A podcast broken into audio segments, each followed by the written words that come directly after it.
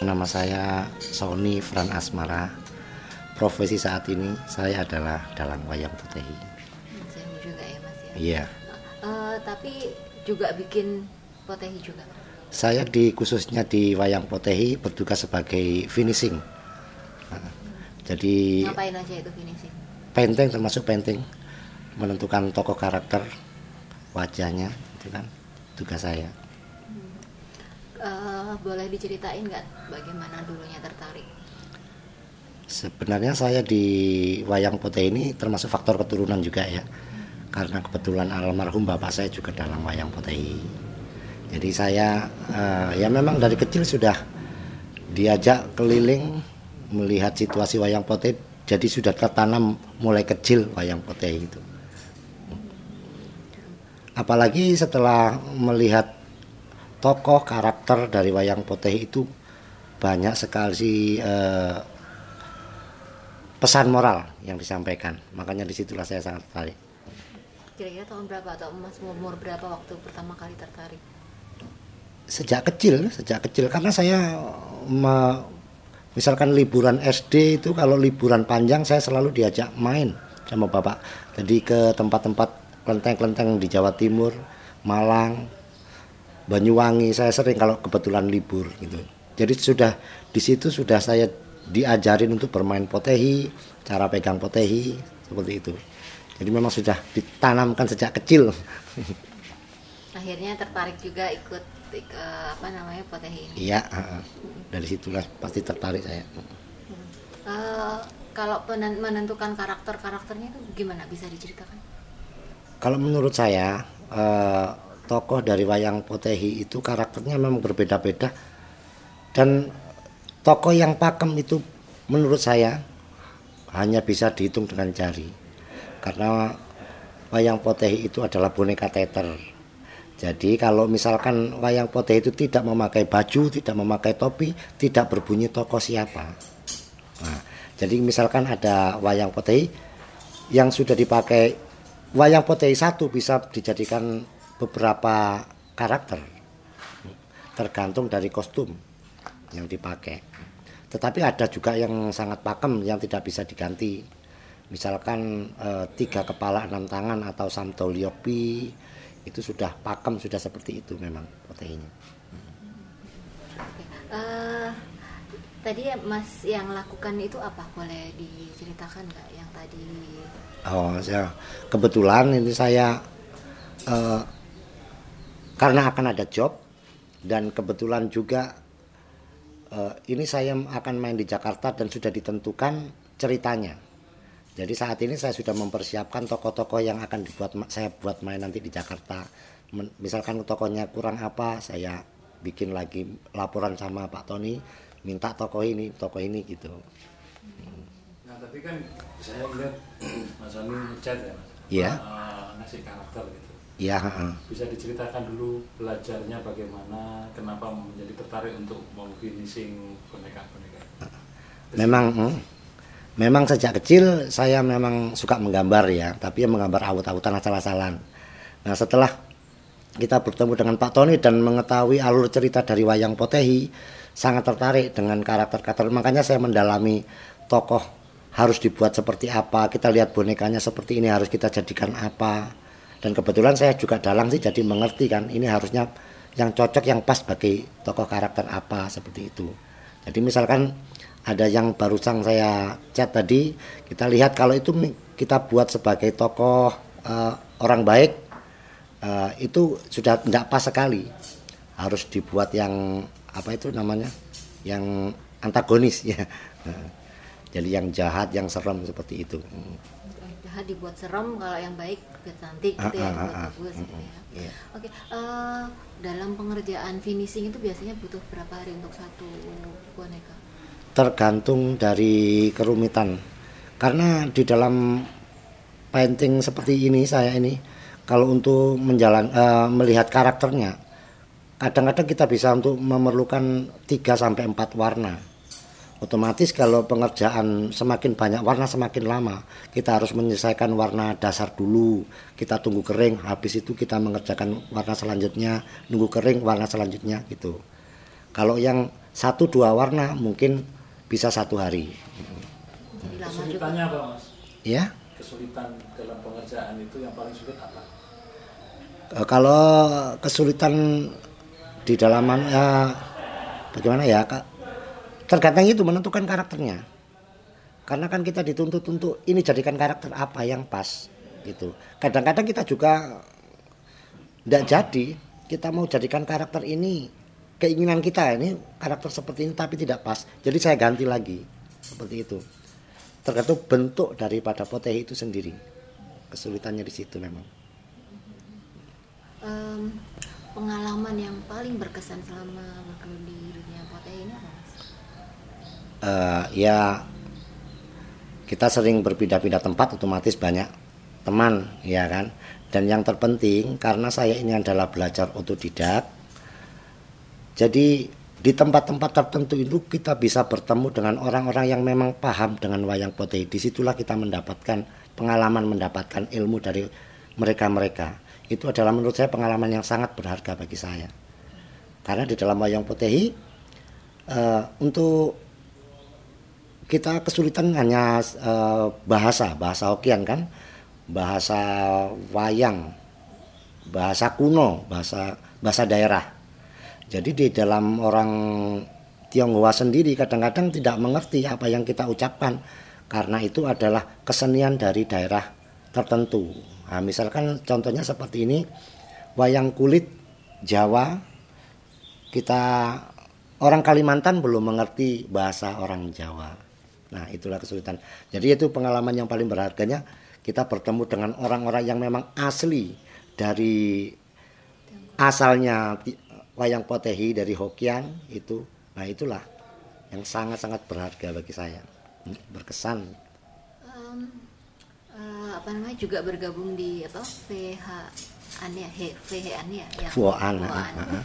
Eh, itu gimana ceritanya sampai bergabung di situ Ya Fuoan itu adalah ya paguyuban ya, yayasan wayang potehi yang dimiliki Pak Tony dan Pak Tony ini memang memfasilitasi kita semua, mensupport termasuk eh, dia itu mewadahi, me- menyiapkan tempat bagi mereka-mereka pecinta wayang potehi untuk bergabung di sini. Kalau memang mereka benar-benar berbakat sebagai dalang, Pak Tony jelas akan memfasilitasi. Jadi awalnya ceritanya bergabung gimana ceritanya itu Ya dari dulu kan kebetulan bapak saya juga sudah almarhum bapak saya sudah bergabung dengan Fuoan. jadi otomatis gitu Otomatis ya. ya asalnya dari mana? Saya asli kelahiran sini Jombang sini. Asli. Nah, seperti ini. Ini adalah tokoh Samdau Liokpi kalau dalam potehi atau tiga kepala enam tangan. Diangkat. Untuk membutuhkan painting seperti ini, kita mungkin hanya butuh dua atau tiga hari, karena warnanya tidak terlalu tidak terlalu ruwet, tidak terlalu rame. Tetapi kalau sudah, nah seperti ini, ini adalah tokoh Kwan Kong, Kwan Sing Tikun. Nah kalau seperti ini kita bisa mengerjakan mungkin hanya satu hari selesai. Seperti ini adalah Nah, wayang ini sebenarnya bentuknya sama. Wayang ini adalah wayang sama. Nah, kita mencoba untuk eh, menentukan tokoh karakter yang pas adalah ini adalah sebagai Chongping. Chongping itu adalah penjaga kota atau pasukan. Jadi kita kembangkan kita seperti ini, ini warnanya berbeda. Ini sebenarnya bentuk wayangnya sama. Ya, ada ada pengaruhnya dengan karakter misalnya yang yang merah itu jahat oh gitu. jahat atau Oh kebetulan ini tidak ada. Ini ini adalah sebagai pasukan, Ciangkun, pasukan gitu aja sudah. Hmm. Kalau yang hmm, kalau yang ada kalau yang tokoh yang berapa penting, tiga ah, kepala itu tiga kepala enam tangan ini adalah tokoh jahat ya. Jadi ini sebenarnya adalah kalau di dalam cerita aslinya waya ini ada namanya Yohuan. Yohuan ini mempunyai kelebihan untuk berubah dirinya, mempunyai ilmu untuk bisa merubah dirinya menjadi tiga kepala enam tangan. Jadi ini sebenarnya adalah namanya Yohuan. Nah, Ini sangat jahat sekali. Tandanya jahat itu dari warna atau apa? Nah itulah kita yang menentukan. Dari keli- kelihatan kita dari fish dari eh, karakter kelihatan wajahnya ini sudah jelas adalah orang yang jahat. Nah, makanya kita kesulitannya itu adalah untuk menentukan bentuk potehi. Bentuk potehi lalu kita buat bagaimana hidup, bagaimana ini bisa untuk menjadi tokoh yang pas. Nah, kalau memang yang tokoh-tokoh eh, contoh-contoh yang lama memang ada. Tapi kalau saat ini kan sepertinya ini kita kembangkan kan. Ini kan buatan buatan sini ya, lokal buatan sini, bukan. Nah ini kita ini bentuknya sama. Nah jadinya seperti ini. Nah ini kalau kita buat sebagai orang yang sabar sangat tidak pas. Contohnya. Mukanya melotot ya. Mm-mm. Kalau ini sudah jelas. Nah, baik. ini adalah orang yang baik, sudah cantik, lugu. Iya. bijak Paling ini butuh dua hari gini.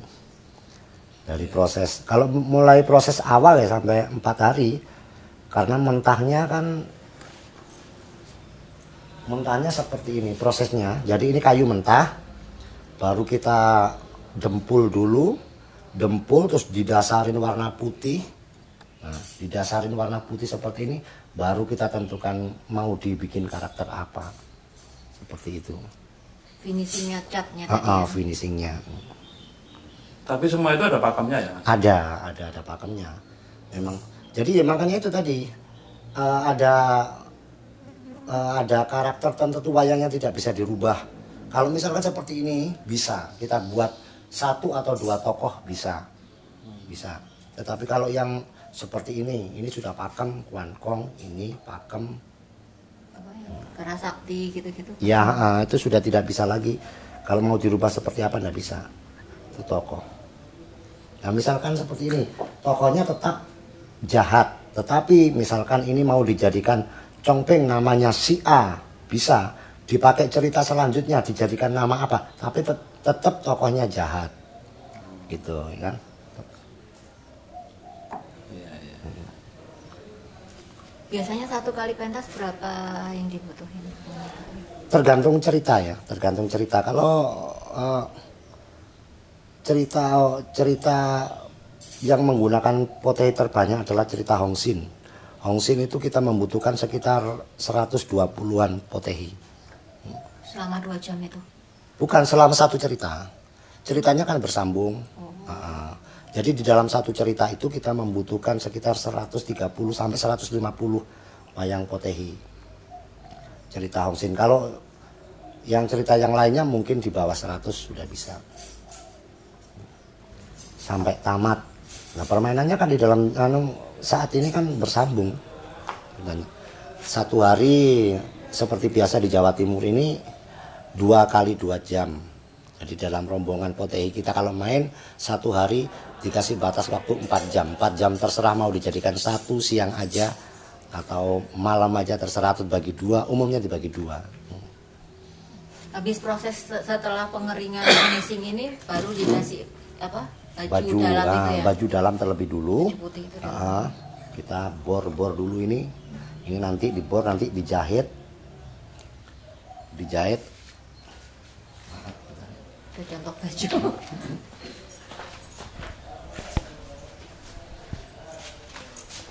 Nah, ini ini nanti di lobang. Ini lobang. Buat kepala. Nah, debat kepala dimasukin sini. Nah, dijahit, baru pasang tangan, pasang tangan, pasang kaki. Ini belum menjadi belum bisa berbunyi kalau belum dipakai baju aslinya. ya kan? Baju sesuai karakter mas. Sesuai karakter. Baju, topi, Ya kalau ini sudah tidak pakai Oh, topi, udah nah, sudah ada ininya. Ada kuluknya. gelung. Nah, kayaknya nanti gimana nggak sesuai Nah, dalang. biasanya, hah? biasanya sih kalau kita memakai, yang dua dipegang, yang empat kita tusukkan di dalam bajunya sih nanti. Hmm. Jadi nanti dua, dua dipegang, yang di sini kita tancapkan di belakang lehernya nih nanti Empat. empat. Jadi sampai sekarang berapa tahun beraktivitas di wayang putih? Di wayang potehi ya lulus SMP itu saya sekitar 93 sudah. Sampai tidak meneruskan sekolah. Lulus SMP saya sudah langsung terjun di wayang potehi. Menjadi asisten sebagai jicu almarhum bapak saya. Oh awalnya asisten dalang. ya eh, proses untuk menjadi pemain potehi. Pemain wayang potehi itu awalnya prosesnya melalui asisten terlebih dulu jadi asisten nanti kalau sudah benar-benar hafal baru pegang tambur. Kalau sudah tambur sudah hafal baru kita belajar elhu kita pindah ke tualo baklo. Kalau sudah hafal gini langsung trompet. Trompet ini adalah yang yang menentukan musik yang mengatur musik. Itu. Jadi kita misalkan dalang mau berbicara minta musik apa yang trompet itu sudah mengerti Jadi bisa semua gitu Pak ya. iya Oke, tadi Bapak dari ayahnya yang juga sehu. Terus eh, generasi selanjutnya ada nggak? generasi selanjutnya sepertinya eh, anak saya kurang tertarik kurang tertarik Tidak satu pun anaknya tertarik ya Pak. dia, dia tertarik hanya di musiknya di musiknya sudah kelihatan dia bakatnya di dalam musik tetapi untuk pengenalan wayang pote ini ya masih kecil sih anak saya. Mengatakan serem. Tidak tahulah entah ya kan. Untuk saat ini dia mengatakan ih serem. Ada rambutnya ada bulunya. Profesi yang lain enggak ada. Untuk sementara ini ya ini saya sebagai sehu sebagai dalam wayang potehi tetapi saya memang dikasih pekerjaan Pak Tony untuk painting ini untuk finishing ini. Jadi saya kalau memang Pak Tony anu dia menyuruh saya ya digaji sama Pak Tony padahal ini saya pakai main sendiri wayangnya saya pakai main saya disuruh finishing digaji sama Pak Tony Dipakainya gratis. Iya. Dan ini untuk saat ini saya eh, diberi wayang Pak Tony. Satu set. Jadi wayang mentah ini. Pokoknya dalang-dalang yang bisa painting diberikan wayang Pak Tony. Jadi ini prosesnya hampir selesai. Seperti ini wayang saya sendiri. Ini kemarin bentuknya mentah seperti ini. Ada yang nggak bener benerin gitu. Ini juga mentah seperti ini. Pokoknya ada- kita benerin. Sudah ini milik kamu sudah. Makanya ini ada namanya ini. Ada simbolnya. ini. Iya. Nah, ini belum ini. Ini ada namanya. Pernah gagal nggak Mas? Bikin. Pernah saya untuk menentukan nah, untuk menentukan karakter pernah ini kan misalkan ya seperti ini. Ini mau akan jadikan tokoh misalkan jahat tetapi eh, bagaimana? Jahat tetapi oh keras tetapi hatinya baik. Wataknya keras tetapi hatinya baik. Karena otomatis kita harus wayang bonekanya seperti ini. Tetapi setelah kita lukis, setelah menentukan tidak pas sekali, rubah lagi, gosok lagi. Yang paling mengesankan waktu mengerjakan eh, wayang begini ini apa? Pa- Pengalaman paling mengesankan nggak pernah lupa. Oh, saya Samdol Yokpi ini ya, Samdol Yokpi ini kan sebenarnya ada tokoh yang yang asli, jenisnya catnya itu tidak seperti ini motifnya, yang dari Tiongkok. Tapi ini karya saya sendiri. Ini kan ini sudah karangan saya sendiri. Nah, nanti kadang-kadang saya menemukan eh, motif yang begitu sangat pas, sangat cocok. Wah, itu sudah kebanggaan tersendiri, sudah saya simpen ini. Jadi saya rata-rata wayang potehi saya yang dikasih Pak Tony itu adalah motif batik-batiknya ini sudah menurut versi saya sendiri Kreativitas sendiri. kreatif sendiri Hmm. ya tidak jauh beda misalkan ini tokoh Yohwan ini kan memang tokohnya hitam tetap hitam cuma aslinya bukan seperti ini kita bikin lebih garang lebih kejam lebih keren gitu. Iya, Motif-motif batik ya Pak ya. iya. Kan kelihatan Indonesianya sedikit. Seperti ini kan? Ini kan kelihatan Indonesianya. Kelihatan seperti manten ini Aslinya nggak begitu. enggak aslinya. Jadi kan wah ya ini ya supaya bisa diterima lah sama orang Indonesia kok. Ya kan? Jadi memungkinkan ya untuk kreasi sendiri itu bisa ya. memungkinkan asal kita tidak boleh terlalu jauh misalkan. Kalau misalkan eh, eh, Dewi Kwan Im sininya ada titik merahnya misalkan kan terus kita pakai seperti ini ya nggak boleh. Dan kayak seperti itu. Baik kan ini seperti warna warna ini kan kebanyakan putih. Putih putih ini saya bikin warna seperti warna kulit kan. ya memang tantangannya adalah kita apa namanya eh, zaman zamannya itu kita kan Digital ya? Ah, ah, digital sudah musuhnya. Jadi mereka kurang tertarik dengan semua itu. Tetapi harapannya adalah kalau wayang potehi ini lebih sering dipentaskan tidak hanya di kelenteng-kelenteng atau di tempat-tempat umum mereka mungkin bisa lebih mengenal lebih luas dan mungkin ada kesempatan untuk ketertarikan mereka untuk bergabung. Soal bicara keberagaman toleransi juga katanya sempat beberapa kali pentas ke pesantren ke gereja gitu gimana ya itu kan sudah em, mendapatkan tanggapan dari mereka itu sudah suatu kehormatan ya. Memang kita di pesantren di pondok di gereja itu mungkin setiap tahun pasti setiap Natal itu pasti teman-teman salah satunya pasti ada job untuk main di gereja. Nah itu. Dan teman-teman kita ini mayoritas muslim yang main iya kan? Meskipun ada yang Buddha ada yang Nasrani. Nah itu. Termasuk yang buat juga? Iya. Main musik? Iya iya. Otomatis kalau kita itu selalu main di luar-luar kota di situ masih bertahan lah wayang potehi. Mas Soni sendiri sudah pernah main ke mana saja? Di luar negeri ya belum. Kalau di Jakarta eh, Jawa Tengah mayoritas kebanyakan saya Jawa Tengah. Pekalongan Cilacap Tegal Temanggung itu bahkan Temanggung itu kemarin sempat satu minggu itu pindah tiga kali tempat termasuk di Kelenteng di wihara lalu ada di gereja. Pas bertepatan hari Natal sih waktu itu ada bedanya nggak pentas di gereja di kelenteng di Memang sih, ada- kita mau tidak mau yang namanya kita pentas di gereja, paling tidak tema yang kita suguhkan harus berbau sedikit Nasrani meskipun tidak menghilangkan pakem. Iya. Iya, untuk saat ini, iya Pak Tony sudah membuat karakter seperti Kaisar Agustus atau siapa itu Maria, Yosef itu sudah sudah ada bonekanya. kira-kira sampai kapan mas mau bergabung di potehi Selama masih ada yang menanggap yang mementaskan wayang potehi, insya Allah saya akan bertahan menjadi dalam wayang potehi. karena karena ini adalah sudah menjadi pilihan hidup, pilihan hidup saya untuk melanjutkan eh, cita-cita almarhum bapak saya juga.